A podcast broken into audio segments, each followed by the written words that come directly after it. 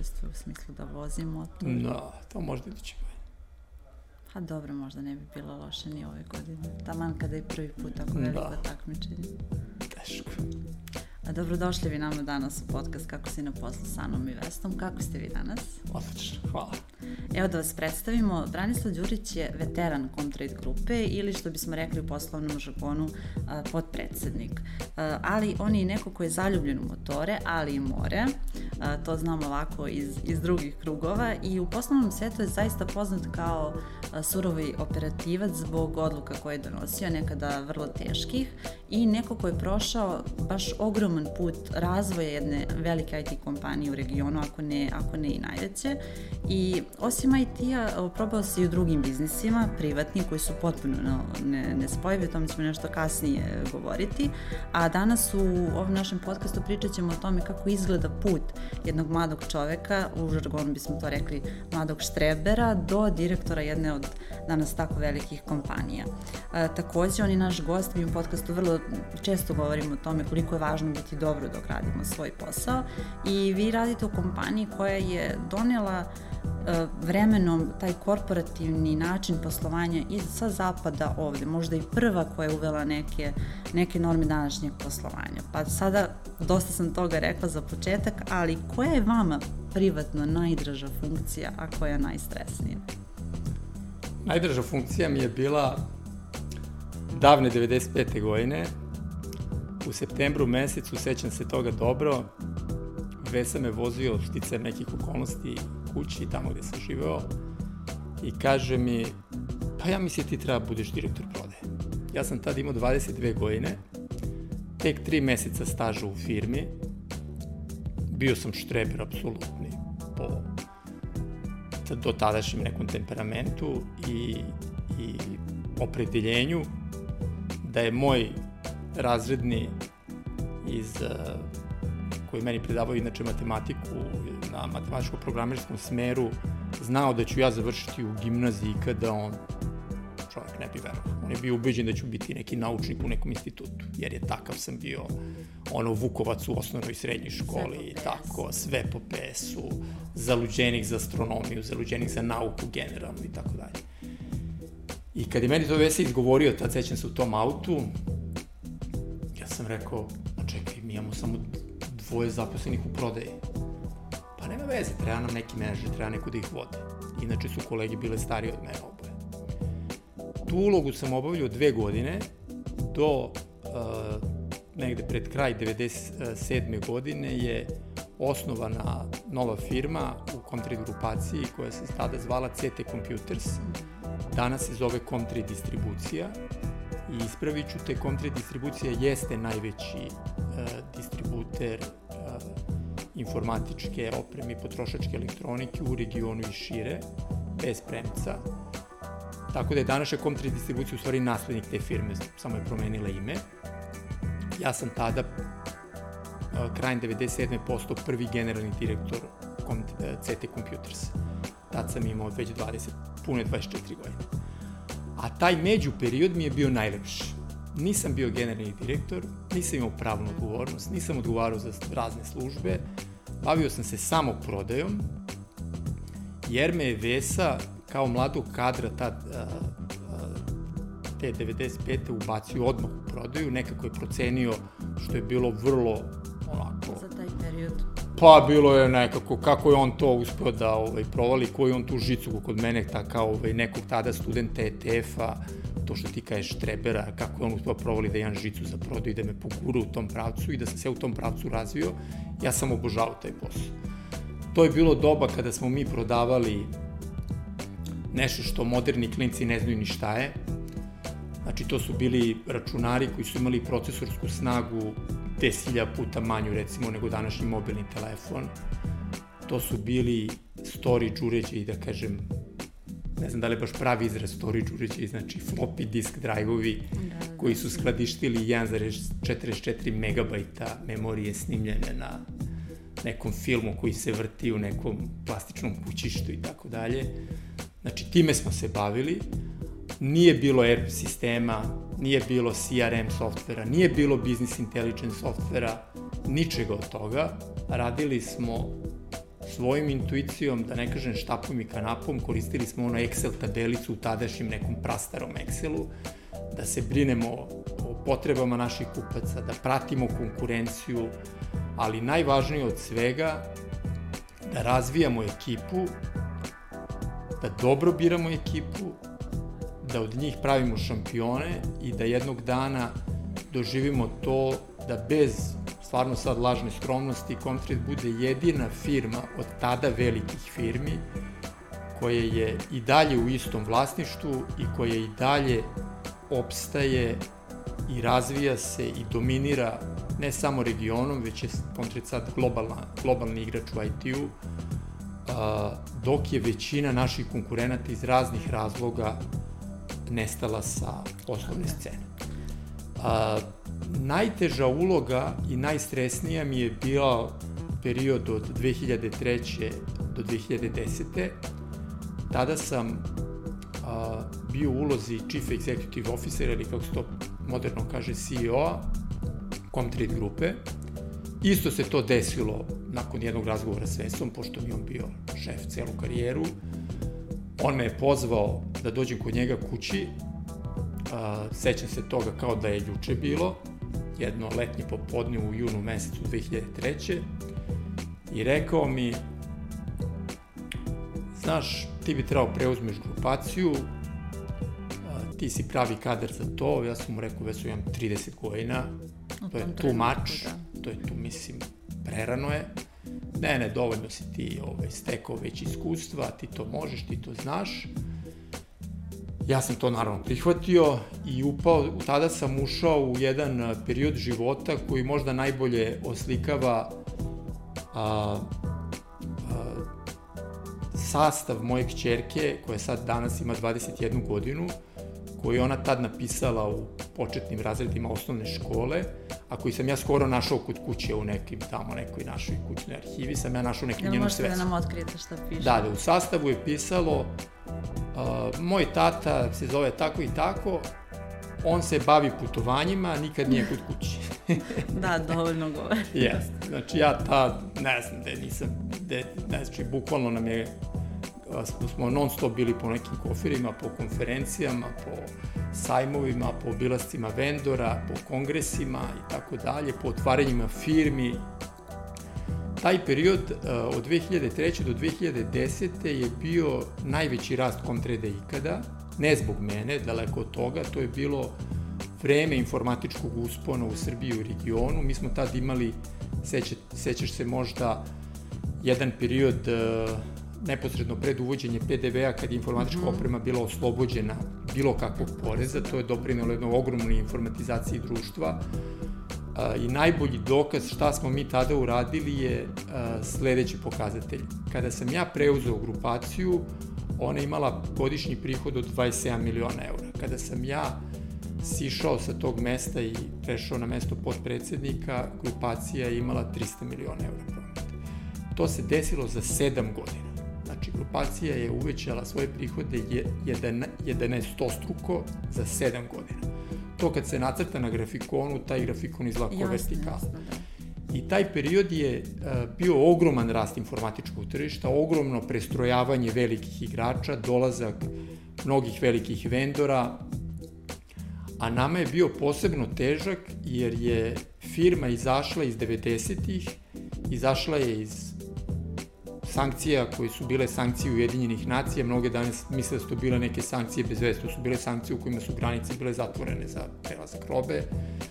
Bio je period hiperinflacije gde da, ste da. vi uvozili a, proizvode po državnom kursu koji je bio X, a morali ste da ih prodajete po pravom kursu koji je bio 1000 puta X. I pravili ste neku nerealnu razliku cene na koju ste morali da plaćate porez. Znači, ko je tad preživao tu školu 90-ih, zna dobro o da, čemu pričam. Da, to je pričam. zapravo bilo moje pitanje kako izgleda život i, i posao jednog mladog direktora, direktora tih 90-ih. 90. su bile, ja ih volim, ja sam tada počeo uh, svoju uh, poslovnu karijeru, ne mogu da se sećam sa, na taj period sa nekim, bilo, mislim, bilo je jezivo u smislu politike, u smislu ratova u okruženju, u smislu dakle, tog strašnog... globalnih i drugih spoljnih parametara koji nisu a priori ono vaše na što vi ne možete da utičete. I sada me zanima u tom cijelom delu gde su tu sve radnici. Ja znam isto za, za jednu priču koliko je vama lično bilo teško kada nastupa sada svetska ekonomska kriza. Tačno, tačno. Evo, mi smo praktično u tom periodu taj rast ogroman firme nije bio samo rast jednog pravnog lica. Mi smo tada otvorili desetine pravnih lica po regionu, jer je Comtrade uh, 2004. bio prepoznat od strane jedne od Big Four firmi koja nam je pomogla da dođemo do jedne od najvećih evropskih banaka koja nas je, to je bila ING mm. banka, u stvari još uvijek jeste, ali ING bank je bio naš savjetnik za izlazak na londonsku berzu. Comtrade je trebalo da bude prva srpska firma koja bi bila listirana na londonskoj berzi, u tome nas je sprečila svetska ekonomska kriza.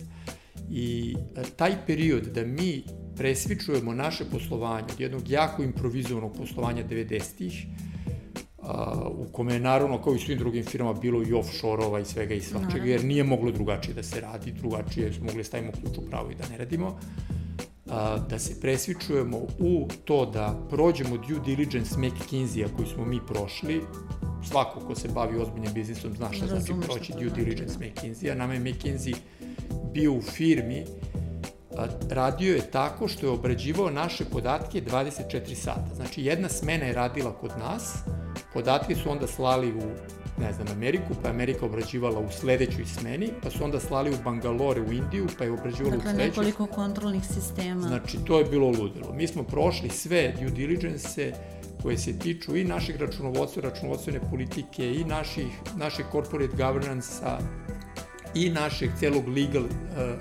cele legal postavke firme i, i službi i tako dalje, komercijalni due diligence sa najvišim ocenom i u tom periodu su se kod nas, pošto smo mi odustali od IPO-a jer se svetska kriza već naslučivala, nije bio dobar moment, mi smo išli na private placement mm -hmm. i u private placementu je ovde kroz naše prostorije prodefilovalo više od 20 investicionih fondova, strateških investitora, institucionalnih investitora, svetskih imena kao što su Citibank, Deutsche Bank i tako dalje. Mi smo na kraju odabrali jednu uh, ponudu koju smo smatrali da je najbolja za nas i uh, sa tim partnerom smo produžili dalje, oni su manjinski partner u našem equity ali uh, je taj period uh, koordinirati takav rast firme koji je bio nije se ticao, kažem, samo jednog pravnog lica, već se ticao otvaranja firmi od Amerike i Dubajija, u Americi istočne obale, zapadne obale, ulaska u razne nove, nove uh, sfere IT-a do firme u Albaniji. Mislim, mi smo bili jedna od prvih, možda i prva srpska firma koja otvorila ofis u Tirani, mislim, jer nama mi smatramo mm -hmm. da biznis nema granica i da nikad ne treba da ima granice. E, taj period je bio uh, naravno Težak to što si me pitala, bio je pun izazova, mi smo paralelno s tim morali da gradimo a, ekipu koja će to da iznese, ne da dođemo u situaciju da se to sve slomi jednog dana, da mi ovaj, doživimo slom jer nemamo organizaciju koja može da istrpi toliko poslovanje. I mi smo se tada rukovodili nekim Comtrade Way-om. Ja bi to stvarno tako nazvao. Ja mislim da je taj Comtrade Way uh, postavio Vesa lično. Možete li da nam objasnimo šta to u praksi znači? Pa, Comtrade Way... Kakva je to korporativna kultura? Comtrade šta znači Way, da evo ja ću da ti sad objasnim kako to u praksi izgleda. Pre dve, tri godine tu sad mi na našem parkingu imamo mesta bliža zgradi i mesta dalje od zgrade. Pošto imamo veliki plac 3 hektara, mesta dalje od zgrade kad pada kiša, hladno i slično su prilično ovako nezgodno da hodaš peške 5 minuta do zgrade i slično. Naravno što ako nemaš kišobranje i tako. I ovaj, da, ja sam se po, video sam jedno slobodno parking mesto bliže zgradi, ne baš ispred, ali bliže zgradi, e, jer ta mesta ispred zgrade su rezervisane isključivo za goste. Znači, isključivo za partneri i goste. Niko od menadžmenta ne sme da se parkira ispred zgrade. Ali ovo mesto je bilo bliže, dozvoljeno za zaposlene. Krenuo sam da se parkira, međutim u isto vreme je krenuo i neki drugi auto da se parkira. ja sam to video u retrovizoru, sklonio se i otišao na neko dalje mesto. Kad sam prišao bliže, video sam radnika obezbeđenja kako se raspravlja sa vozačem, koji je neki mlađi momak. Ja ga lično nisam znao, firma je velika, ima puno zaposlenih. Prišao sam da pitam o čemu se radi i on video sam da radnik obezbeđenja kritikuje njega na prilično onako neprimeren način i traži da se pomeri jer tu treba da se parkira potpredsednik. Mi inače izbegavamo da bilo ko koga zove ni predsednik, ni podpredsednik, ni direktor, ni ostalo, mi se oslovljamo ličnim imenima, uglavnom ni ne persiramo jedni drugima, to je vrlo redko. Ovaj, titulama se nikako ne oslovljavamo. Radnik obezbeđenja inače nije kriv, bio je nov, očigledno nije bio dobro obučen. A, dečko koji se tu parkirao je bio a, programer. A, I a, ja sam to, taj sukob ovaj, razrešio i rekao kolegi da slobodno ostane tu, da može se parkirati god hoće, da to kod nas ne postoji, neka zaštićena mesta ili neka hijerarhija da, ili nekakva interna aristokratija u kom tradu, mi smo sad neki prvoborci, veterani ili top management, pa neko treba da nas zbog toga doživljava kao neke bogove i slično, to je kod nas apsolutno zabređeno. Možda nam ispričate još neko zanimljivo. Mogu, da. I samo da završim ovo, sticajem okolnosti je Vesa slučajno saznao za taj incident, slučajno, nekako je to do njega došlo. Mi smo jedva sačuvali tog radnika obezbeđenja od otkaza, jer on je na to ekstremno alergičan, sa pravom. E, to je Comtrade Way. Znači, mi imamo od početka, od 90-ih, jednu vrlo flat hierarhijsku strukturu u kojoj smo svi kolege, u kojoj je middle management, top management, senior management, pogod predsednik, osnivač, vrlo uvek pristup, prisutan u poslu, uvek pristupačan, možete i njega lično Vesu zaustaviti kod nas u kafiću, u teretani, s njim porazgovarati, preneti. Ja sam skoro imao situaciju da je jedna zaposlena a, koja njega čak ne poznaje, koja je došla u firmu pre mesec dana, radi na vrlo jednoj juniorskoj poziciji, njemu ispričala nek, neku ovaj, kritiku vezanu za, za neke, neki segment poslovanja za koji je bila čak i u pravu, koji, ovaj, koji on prihvatio, zahvalio se i tako dalje. Tako da, Uh, mi takav uh, odnos gajimo i takvu tu štafetu koju smo je svojevremeno Vesa predao nama, mi smo predali dalje i ona se prenosi dalje i kod novog menadžmenta koji mi dan danas zapošljavamo, koji glasi da smo mi pre svega kolege i da naše upravljačke uloge imaju svrhu samo da doprinesu tome da se raspodeli odgovornost, ko za šta odgovara i ko će šta da odluči, a ne da neko nad bilo kim uh, uh, forsira nekakvu silu ili uh, dokazuje premoć uh, da može da izgura neku svoju viziju, svoju želju i tako dalje. Znači, mi jako sarađujemo na, na jedan, uh, u jednoj flat strukturi, na takav način, neko će reći kako može takav sistem koji sad ima više od 50 pravnih lica, koji ima pola milijarde prihoda godišnje, da, uh, ovaj, da opstane u tako na, na izgled improvizornoj strukturi, može. Može ako su pravi ljudi, ako ljudi to ne zloupotrebljavaju, ako oni rade na uh, uvek u interesu firme i, i ako poznaju i razumeju naš sistem vrednosti. A drugi primer koji sam hteo da navedem je se desio pre 20 godina. Mi smo bili jedna od prvih firmi koja je osnovala pravo HR odeljenje. Pre toga se kod nas u Srbiji zvalo kadrovska služba. Mi smo osetili potrebu da treba da imamo human resources odeljenje koje bi se bavilo razvojem kadrova, praćenjem njihovih performansi i tako dalje. Firma je već bila prevelika i uh, imali smo tad jednu ekipu koja je to vodila. Desio se jedan prvi incident na jednom internom skupu je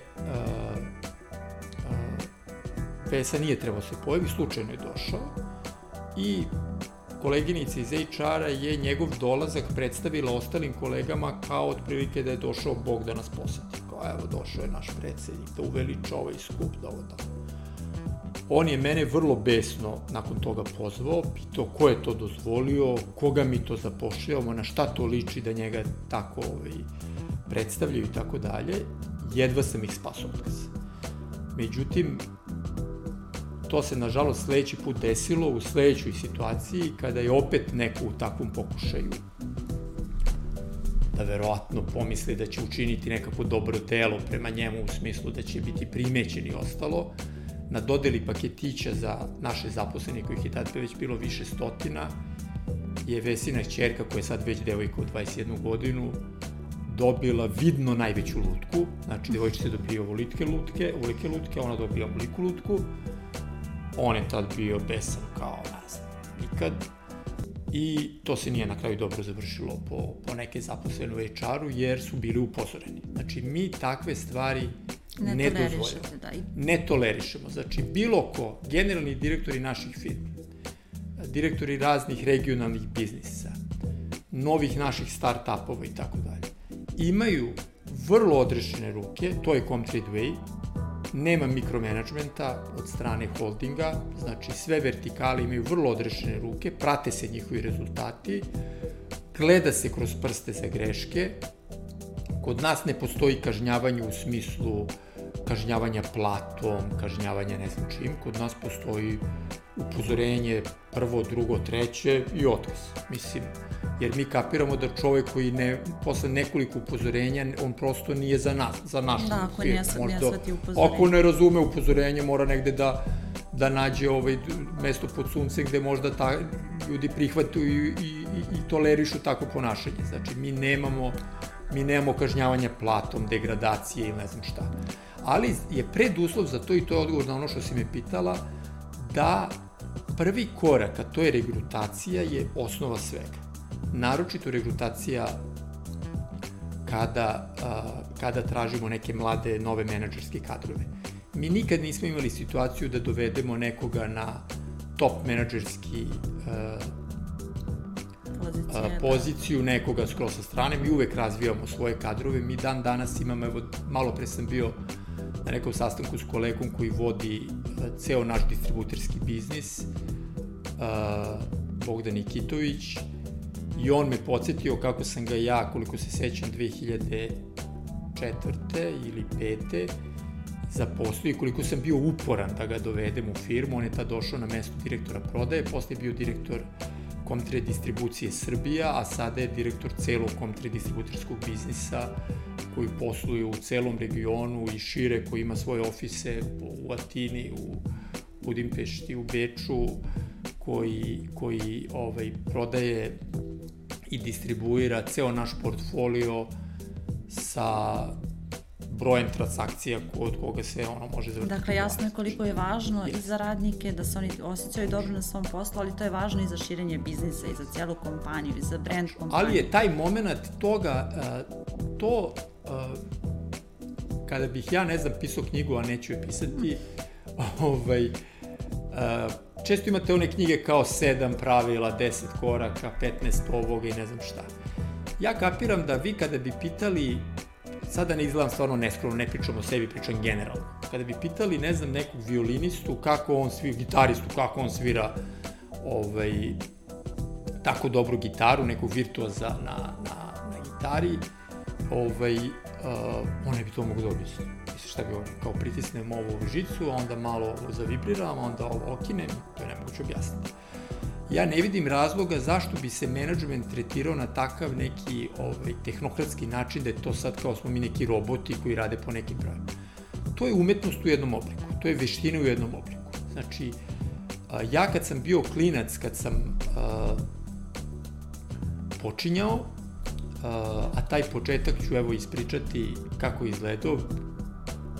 Mislim, prilično je ovaj, jedna onako filmska priča, realno. Ja sam Vesu upoznao 92. Ja sam tad imao 19 godina, bio sam ono, student prve godine ETF-a, težak štreber, dok je Vesa bio u svojim 20. isto, on je već iza sebe imao karijeru, uh, u Majami u Americi je kao naš reprezentativac u skoku s motkom kao uspešan atletičar, dobio njihovu stipendiju, tamo studirao, upoznao se sa grupom nekih uh, stranih studenta, napravili neku firmicu koja je tada krajem 80-ih prodavala one prve XT računare, prve PC-e praktično, komponente i tako dalje i korak po korak ušao, njegova priča je tek filmska, on je na kraju završio u firmi koja je bila listirana na Nasdaqu, bio je partner u njoj, -hmm. bio je jedan od top, top, top managementu firme CHS Electronics, koja je bila druga u svetu, posle Tech Data, koliko se ja sećam, ili Ingram Micra, ne mogu setiti kakav je bio redosled, mislim da je imala oko 12 milijardi evra prihoda i on je to već bio u svojim 20. Mislim, i tu u prvoj polovini svojih 20. godina. Tako da je njegova priča tek za ono, ozbiljne, ozbiljne memoare.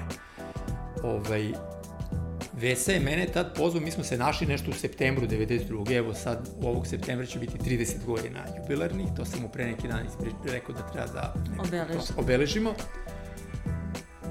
I on je meni tad pričao šta radiš, kako, pa evo studiram, pa kako, pa ja rekao nešto studiram tu, počeo sam nešto u DBase-u, da DBase je neki prastari program za baze podataka, to programeri znaju, da nešto programiram, pa nešto trgujem s nekim komponentama, jer sam ja ovaj, potekao iz prilično skromnih nekih uh, porodičnih okolnosti, tad su bile 90. meni su se roditelji sticam okolnosti ocelili za van Srbije i za Bosnu i ja sam bio ono tu sam i tako da nije bilo baš lako živjeti i oni meni tad, ovaj, tata mi je bio vojno lice pa je morao da dobio tamo neku prekomotu. I ja sam onda ovaj, u nekoj priči čak ništa nisam ni tražio. Vidim ja on vrti telefon, zove nekoga, nešto priča polušifrovano. Ja kad sam izlazio iz Genex apartmana, uh, meni kaže sekretarica, evo za vas spremam kompjuter kompjuter, ja se vratim kod njega kakav je u kompjuter. Pa neka, eto ti kažem, Veso, kako ću ovo da platim? Mislim, mislim, neke rate, kako misliš? Mislim, meni je kompjuter bio nedostižan za moja tadašnja nekakva primanja ili primanja moje porice nedostižan potpuno. Znači, eventualno da ga godinama da, plaćam. Da, da. I on je meni rekao, ma nema veze, otplatit ćeš ti to meni nekako jednog dana. E, ta rečenica je antologijska. taj kompjuter? Pa ne znam, moraš da ga pitaš. A kažete, moraš da ga pozoveš vi... na, na intervju. I, ovaj, i, I tako je sve počelo. Kako ste se borili e, tada sa stresom kada upadnete u tako jednu veliku kompaniju i dobijete naravno ogromnu funkciju i odgovornost i iako vam imponuje imate mnogo poteškoća, naročito to vreme tih izazovnih godina, kako ste se tada borili sa stresom, kako danas? Da li ste vi ulazili u burnout? Kako ste izlazili iz njega? I koliko je važno, e, rukovodilac danas nije samo menadžer, direktor, nego i mentor. Koliko vi to osjećate i, i takav, tak, takvu vrstu odgovornosti? Pa znaš kako, tada 90-ih, kako kaže ona pesma, sve je lako kad si mlad, toga se pravo ti kaže ne sećam. Se kako se na Vidikovcu sam tad živao, budim ujutru u šest, sam sebi peglam na nekoj dasci košulju, sređujem se, oblačim se, tad su kravati od dela bilo obavezna. Znači ovo što kako se mi sad oblačimo, tad bi nas izbacili na glavački. Ja sam nosio, ja sam znao da vežem. Dan danas, ja godinama ne vezujem kravati od dan danas, mogu mu reći tebi da vežem. Znači mogu ne sebi, mogu tebi na ovako nekom drugom da vežem kravatu. Ove, jer se me vezao milion puta. A, kako se klackamo u nekom jugiću s nekim društvom, kako smo delili neko gorivo, nas neki nekoliko kolega, idemo, skupljamo se usput, idemo na posao. Sećam se kako se vraćam iz firme noću. Sećam se kako zajedno sa Vesom i tadašnjom ekipom nas je tad u firmi bilo na početku 5-6, posle, ne znam, godinu dana nas je već bilo, ne znam, 20-ak, posle godinu dana 50-ak i tako. Brzo je, IT je bio surova branša u kojoj se jako brzo raslo. Sećam se nas, kako ja u odelu idem i skidam sako, idem u magazin, koji nam se sad nalazi ovde gde nam je sad poslovna zgrada, tad smo bili u renti magazina koji pripada brodogradilištu Beograd i kako mi svi zajedno, to je bio taj duh, istovaramo kamion sa monitorima, sa računarskim kućištima, sa kutijama hard diskova, matičnih ploča i tako dalje. Onda svi zajedno odemo na neku klopu, tu neki lokalni, neku kafanu i odemo kući. Znači nama tad, te 90. su bile toliko teške I toliko su bili drugačiji standardi da nam ništa nije bilo teško. Ništa nam nije bilo teško. Znači, tada zaposlenima, nama sekretarica kaže, e, rekao, Vesa ga čekate. Mi kao, 5 sati, da, 6 sati, da, 8 sati, da, 10 uveče, mi se idemo u film. Niko se ne buni. Ali ne ono kao, e, mi se sad plašimo, otpustit će. Da, ne, mi smo tu bili ekipa, mi smo bili družina, mi čekamo, pričamo nešto, se zezamo, ovo, ono. On dođe, ispriča nam šta je hteo da nam kaže, nije mogu stigne ranije čovjek šta da radimo, tako je kako je, i mi idemo dalje. Mi smo Vesna imali planiranje, znači budžetiranje, kako to sad kaže budgeting moderno. Mi smo to zvali planiranje 90-ih. Svakog meseca, off-site, ne u firmi. Znači, gajili, gajili smo taj tako duh da je uvek tako negde idemo, se malo družimo, se negde provedemo, odemo malo se bavimo nekim sportom, nešto, imamo malo nekad neki kao team building, neki primitivan team building kakav je tad mogao se napravi. Mi smo, nismo išli u ne znam, na Zlatiboru hotel s pet zvezdica, ko što sad na Zlatiboru imaš dva hotela s pet zvezdica, vjerojatno znaš, i gomilu sa četiri i tako dalje. Mi smo išli, evo nasmećeš se, sećam se da smo najčešće išli u veliku planu, u neki hotel raspali koji se nalazio pored one, mi smo ga zvali Pokajnica, pored one crkve Pokajnica, kažemo gde idemo na planiranje, idemo u Pokajnicu. Da se pokajemo. da se pokajemo, tačno. I, ovaj, išli smo tako gde smo, ono, ne sećam se, išli smo u, ovaj, u neka vojna odmarališta, išli smo u carsku baru, u neke, mo, tako neke, i držali smo predavanja, tad nije ni bilo projektora, kog se sećam, donesemo odštampane u Excelu tabele, čitamo ovaj, rezultate, mesečna smo im, znači mi smo svi jedan vikend mesečno morali da odemo od porodice, budemo na planiranju. Niko se nije žalio. I to su bila tada takva vremena. Tako da tog prvog perioda se, mislim da, da su tada 90. bile toliko surove da nam nismo ni znali šta je teško, šta nije teško. Posle, uh, kada sam ja preuzeo tu najtežu, najstresniju ulogu koja je definitivno bila uh, takva, ja tu nisam završio tu priču, to samo da, da bi, da bi ovaj, kontekst, gledalci da. jeste dobili ceo, da shvatili ceo kontekst. Mi smo nakon, nakon private placementa koji se desio krajem 2007. Toga se isto seća, mene Vesa zove, kaže, e, sutra ti, Sale Maraš i Voja, to je bio tad naš tadašnji CFO i na kolega Voja Genić koji je tada vodio sistem integraciju, koji inače sad u godišnji regionalni direktor u SAP, to je SAP-u. Uh, mnogi naši kadrovi su direktori, mislim direktori na top management pozicijama u velikim IT firmama od Microsofta, IBM-a, SAP-a, Delte i tako dalje, velikih sistema i, i ostalo. Tako, mislim da smo bili dobar rasadnik kadrova. Uh, ja kažem, gde idemo? Idete u Sloveniju. Sloveniju, što? Idemo da kupimo Hermes Soft Lab. To bi bilo ravno kao kad bi mi sad rekao je idemo da kupimo Twitter ili ne znam šta. Mislim, to je bilo nedostižno. Nedostižno, mi smo do, do tog momenta bili sistem integrator i distributer, pre svega usmeren na hardware, donekle na neka softverska rešenja, dok je Hermes Soft Lab bio bez premca najveći software developer u jugoistočnoj Evropi, firma koja je a, koji su klijenti bili najveće američke firme, američka vlada, Pentagon, mislim da ne nabrajem. A, nisu imali skoro nikakvu lokalnu prodaju. Firma od sa tri razvojna centra, sa nekih 50 miliona evra prihoda samo u softveru, što je bila nezamisliva cifra.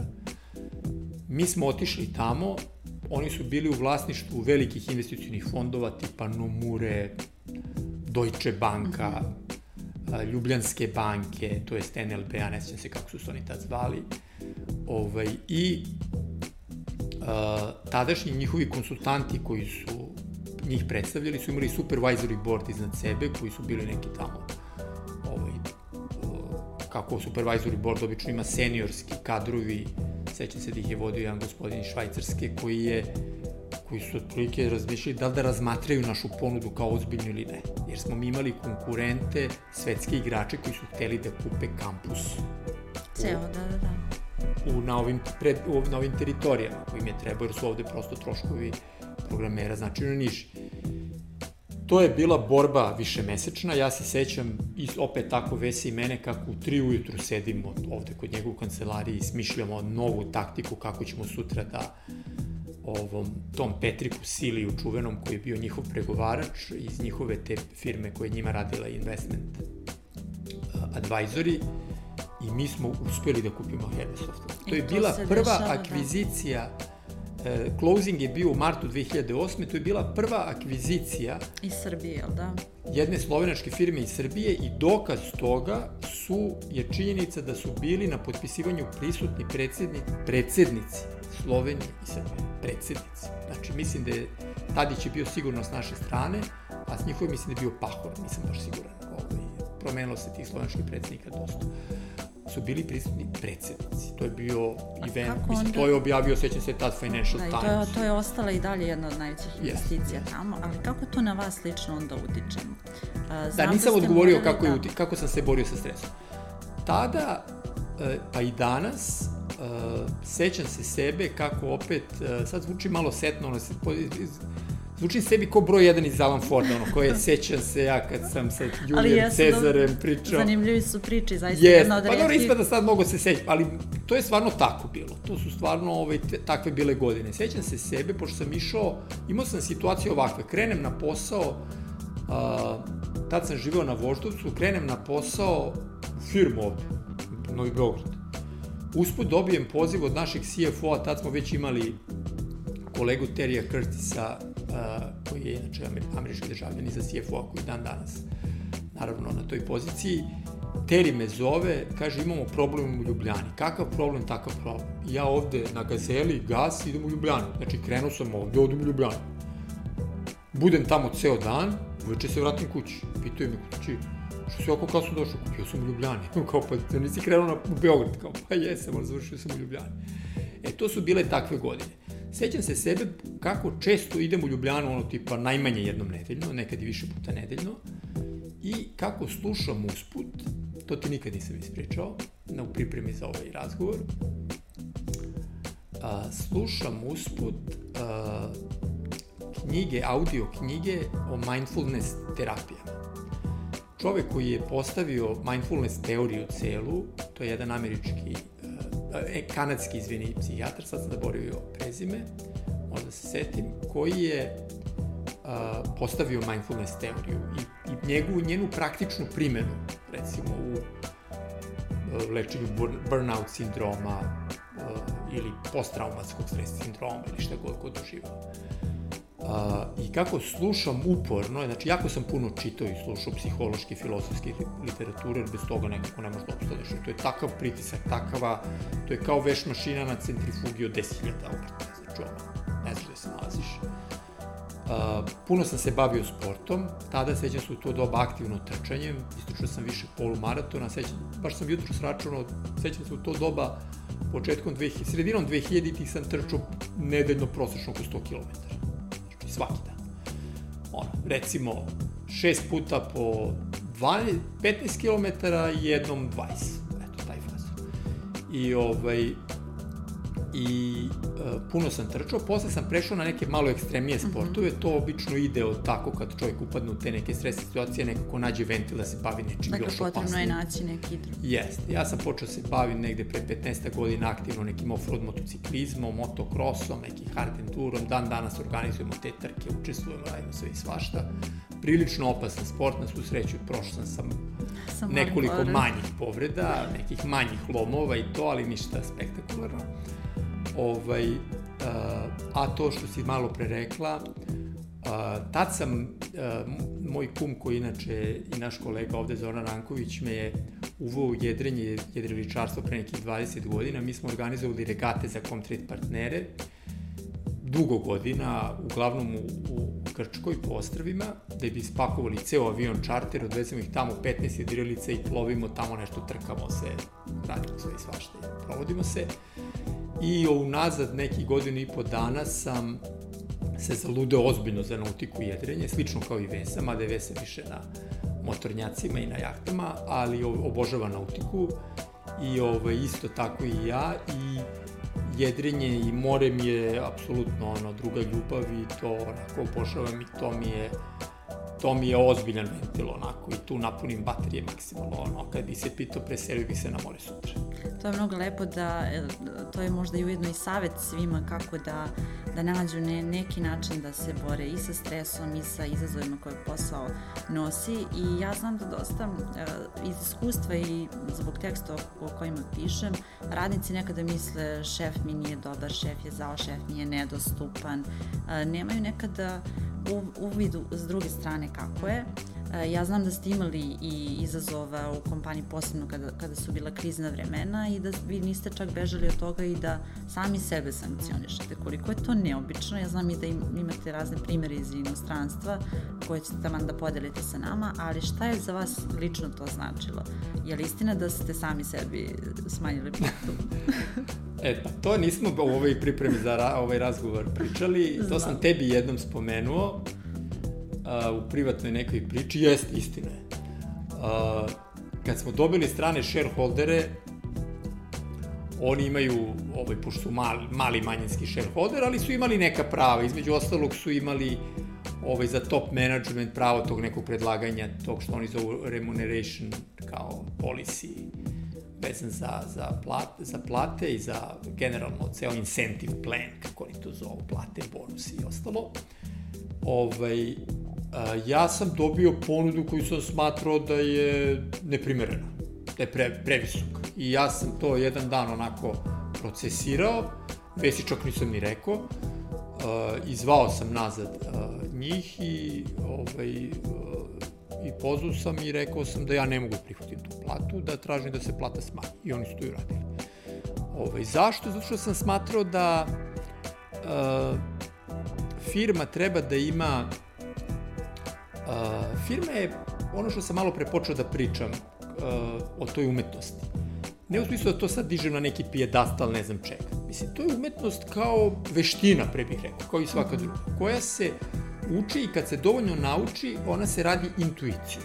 Znači, taj violinista ili futbaler ili kogod, košarkaš, on ne razmišlja, aha, sad sam daleko toliko, sad ću da primenim ovu tehniku, nema vremena. Znači, to je sve intuicija, to je, to je živi organizam. E isto tako sam ja i, i moje kolege i svi ljudi koji se bave visokim menadžmentom koji su ostavili za sebe neki rezultat, steknu vremenom intuiciju, tu je iz mog neposrednog okruženja Ves apsolutni ono, etalon, jer on ima takvu vrstu intuicije i te neke socijalne inteligencije da, ovaj, da proceni ljude koja je, koju sam ja učio od njega. To ja to priznajem, ja sam učio od njega, skido sam fore, učio sam, prosto sam pokušao da ukapiram taj njegov algoritam i nekako sam ga vremenom pokupio. I dan danas, evo ja sam juče učestvovao u regrutovanju za nek, neki naš nov biznis. Mi smo ušli u, osim IT u razne nove biznisne, osim medija prisutni smo u, u obrazovanju, sa svojim školama i fakultetima, prisutni smo u digitalnoj medicini i rešenjima za digitalnu medicinu, prisutni smo u rešenjima za obnovljive izvore energije, solarnu energiju i tako dalje, u raznim nekim novim branšama, osim IT-a gde se razvijamo u svim ovim novim novim, novim domenima koji se tiču veštačke inteligencije ili blockchaina i toga pratimo naravno sve trendove. Uh, mi smo ovaj, uh, uh, to što sam rekao pre, malo pre da je najvažnije prvi taj temelj, znači najvažnija je regrutacija, jer ako se izabere pogrešno pogrešan kolega, koleginica na pogrešno radno mesto, neko ko nema odgovarajući senzibilitet, nema, ne može da ima previše rigidnu, ne znam, ja sam juče komentarisao sa kolegama kad smo radili tu regrutaciju nekih, čak juniorskih kadrova za neke naše nove firme, oni su me pozvali da li mogu da im pomognu, što da ne mogu, ja sam sedeo slušao te intervjue i dao sam im moje mišljenje nakon toga i, ovaj, i otišao, nisam ništa naredio, samo sam dao mišljenje i otišao, oni će da urade kako misle da treba da urade. Ovaj, najvažniji je prvi korak, znači da se, za, da se tačno znamo šta nam treba, da je mesto profilisano, da za takvo radno mesto, ako je potreba neko ko je vizionar, neko ko ima visoku socijalnu inteligenciju, neko ko ume da se dopadne ljudima, neko ko ume da bude lider, ne da bude šef u klasičnom smislu koji vlada nekim surovim autoritetom, već neko ko će da povede ljude zato što oni to zato što žele da ga, da ga, da, da. da ga prate. Žele, on im imponuje, on im se sviđa, žele da ga prate.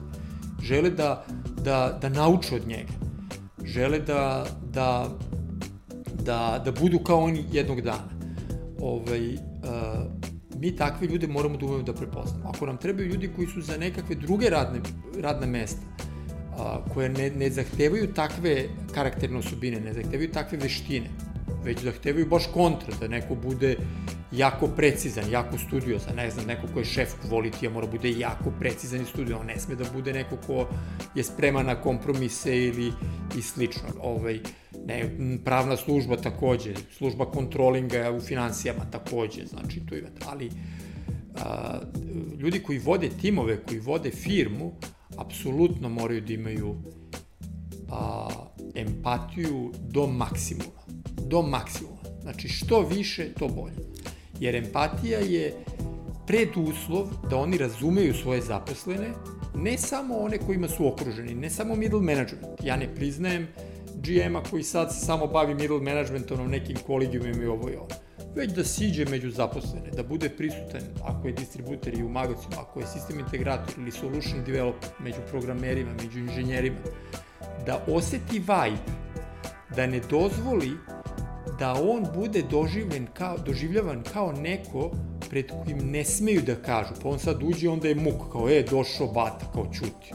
Ne, već da se oni ponašaju prirodno, da, da možemo, da mi onda našim, da mi osetimo taj vibe i da procenimo da li tu nešto škripi ili ne škripi, da reagujemo ili da ne reagujemo. E, Comtrade je vođen celu svoju istoriju, naravno uz neke uspone i padovi. Imali smo i mi propusta grešaka, imali smo i mi propalih biznisa, promašaj ovog i onog. Ali u ukupnom zbiru smo uvek na kraju pobeđivali i, i, i, i, i, bili uh, naše odluke, te velike naročito odluke su uvek bile prave. Ta odluka recimo za kupovinu Hermesa, nju nisam završio, je bila tada neposredno pred svetsku finansijsku krizu ruski rulet, bukvalno. Ja sećam svesno tad kad sam pričao, sam rekao, su razmisli, molim te, daj još sutra razmisli.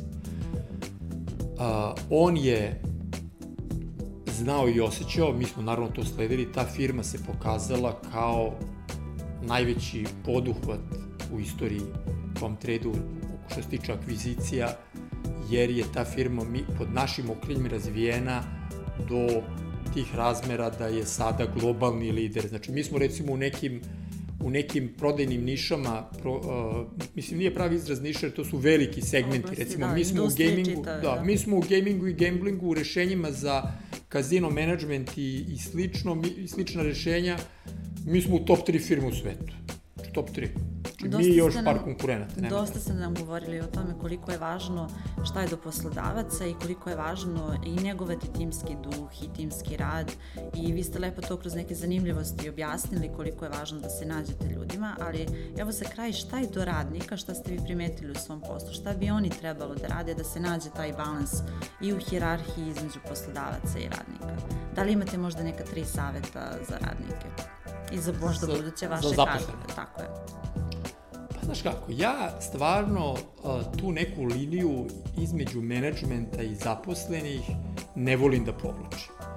Zato što uh, zaposleni, uh, postoji ona čuvena knjiga Good to Great, ja sam je čitao u doba pre 20 godina, nije još bila prevedena kod nas. Kod nas je prevedena, ne znam tačno kako je taj naslov preveden na srpski. Galup je radio jedno istraživanje. Uh, ja mislim još tipa 2000, početkom 2000-ih. I radio je na ogromnom uzorku. Ja mislim da uzorak bio tipa 100.000 zaposlenih u najvećim firmama celog sveta. I onda su se pitali zašto je Walmart tu gde jeste, a Kmart koji je počeo isto vreme slabiji od njih. Zašto je Coca-Cola jača od Pepsi Cole, a sličan su biznis, skoro pa isti. I tako dalje. Šta razdvaja great firme od good firme. I onda su postavljali pitanja zaposlenih. Stavite na, poređajte po prioritetima, platu, godišnji odmor, ovo, ono, sve i svašta. Došli su do šokantnih za tadašnji menadžment, to je za tadašnji moderni menadžment, svako će reći, ili ovi HR konsultantovi će reći, pa da, mi to znamo, to je danas azbuka modernog menadžmenta. Tada nije bilo azbuka. Oni su došli do odgovora koji je glasio da su u svim top firmama, Microsoftu, Coca-Cola, ne znam, Amazonu, Apple, liderima, zaposleni odgovarali na sličan način su stavljali prioritete po redosledu. Prvi je bio, ja tačno znam šta je, gde moja firma ide i gde želi da bude. Znam. Nebitno da li sam portir, ili sam finanski direktor, ili sam direktor, business development direktor ili šta god. Znam. To je bio prvi odgovor. Drugi odgovor. Ja tačno znam u toj viziji firme i misiji firme gde je moje mesto. To je isto jako bitno. Šta vredi zaposlenima ako znaju gde je firma i da ako ne znaju kako oni to da doprinesu. Da, da, da. Treći odgovor je bio, ne samo da znam gde firma ide i koje je mesto u njom, već je, ja imam empowerment, kako oni to na engleskom kažu. Omogućeno mi je da to isprovedem u delu. Znači imam odrešene ruke. Nemam sad neki mikromanagement koji me ovog dozgo pita što si ovo, što nisi ono, što si ovako, što si ovako. Tako da ja tu granicu, i to pokazuju opet jednu vrlo flat strukturu super uspešnih firmi.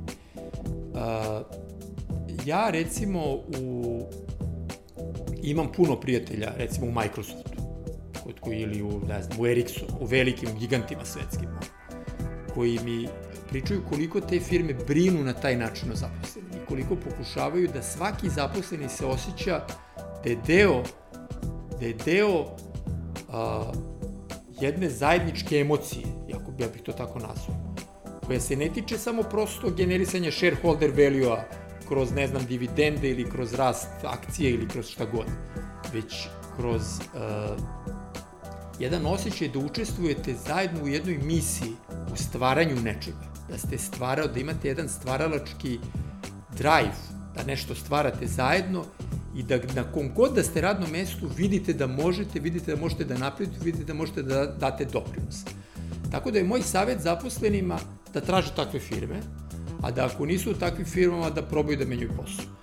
Jer firme starog tipa menadžmenta u kojima oni, e, to što si ti rekla, imaju neke klanove, imaju neke nedodirljive direktore kojima neko otvara i zatvara vrata, nosi im kišobrane, ne znam, a, a, sede u restoranu, evo mi smo recimo kod nas zaposlenima, pošto je u IT-u, svi pričaju o tome da je Srbija, hvala Bogu, sad ima manju nezaposlenost nego ikada, to svaka čast ovaj, za, za takvo rukovodđenje ekonomijom. A, I nadamo se će se to nastaviti. Takođe, odo bih priznanje i razumevanju vlade Srbije godinama unazad na značaju IT-a. Konačno je na svim agendama. Konačno je na svim agendama, na značaju razvoja developerskih kampusa. Vi sad imate situacije da svetski giganti imaju ovde developerske kampuse, da rade akvizicije naših start-upova i tako dalje, što mi pozdravljamo. Uh, tako da, uh, u, u, svi pričaju o tome da je teško naći kadrove u bankarstvu, ovamo, na. Nigde nije teže nego u IT-u. To kaže sva yes, Apsolutno. Znači u IT-u je ovaj, potražnja za, naročito za inženjersko-developerskim... Uh, pa kaže da sada kompanije idu akvizicije zbog ljudi, ne zbog profita tačno, i inovacije. I vi sad imate, uh, mi smo recimo, uh, ne da bi se dodvorili zaposleni, da bi ih kupili, već da bi im omogućili da se osjećaju dobro da vide da brinemo njima. Oni ovde imaju najbolju teretanu u gradu. Ne najbolju u smislu da je nešto fancy ovo, da je funkcionalna, da je velika, da radi 24 sata. Imaju fitness trenere koji su zaposleni u firmi, besplatno za njih. Imaju restoran koji ja mislim, evo ti si bila u njemu jedan od po interijeru i po veličini jedan od najboljih restorana na Novom Beogradu, samo što je on zatvorenog tipa samo za zaposleni. Imaju kafić koji mislim da je po pogledu i po veličini isto po interijeru ponudi i možda i najbolji na Novom Beogradu. Ovaj, a, svi sadrži, imamo sportsku halu koju smo otvorili pre mesec dana, kačili smo to na LinkedIn, te video snimke koja je jedna od najboljih u gradu, koja radi 24 sata, besplatno za njih. A, tako da mi na taj način ne kupujemo zaposleni, mi zaposlenima šaljemo poruku da su dobrodošli da budu u jednoj zajedničkoj misiji, da dele jednu zajedničku emociju stvaranja nečega čega će se sećati kao što se ja sad sećam. Mislim, ja nisam sad baš pred penzijom, imam još ovaj, dovoljno godina, ovaj, ali, uh, ali sam, imam iza sebe da se sećam tih 30 godina. Znači ja sam sa 19 godina dobio taj poklon od Vesi kad je rekao je vratit ćeš ti to meni nekako jednog dana. A to moraš njega da pitaš da li sam vratio.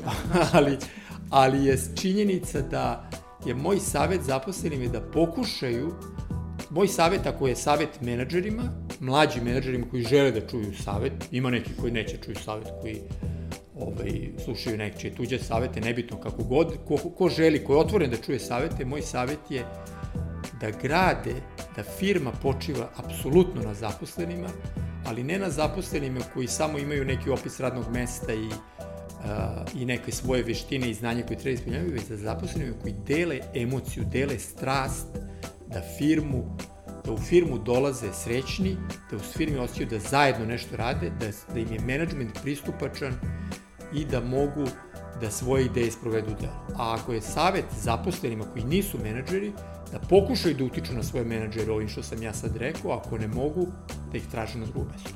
Mnogo hvala što ste bili naš gost i što ste nam ispričali ove zanimljive priče i važno je zbog svega jer radnici sve više traže i kompanije i stavljaju svoje zdravlje na prvo mesto, a platu tek na drugo pokazuju sva istraživanja. Vi nas gledajte i sledeće nedelje, čitajte na Business Telegrafu, gledajte na YouTube-u, slušajte na Spotify, Google i Apple platformama. Hvala mnogo što si bio naš gost. Ja ću sada za kraj da te pitam, šta kažu vama svi oni koji žele da vam se zahvale na cijeloj, na karijeri, na savetima, na uspešno sprovedenim prelaženjima iz jedne kompanije u drugu, znam za te stvari. Koliko, šta je što... Šta, ja nešto ne...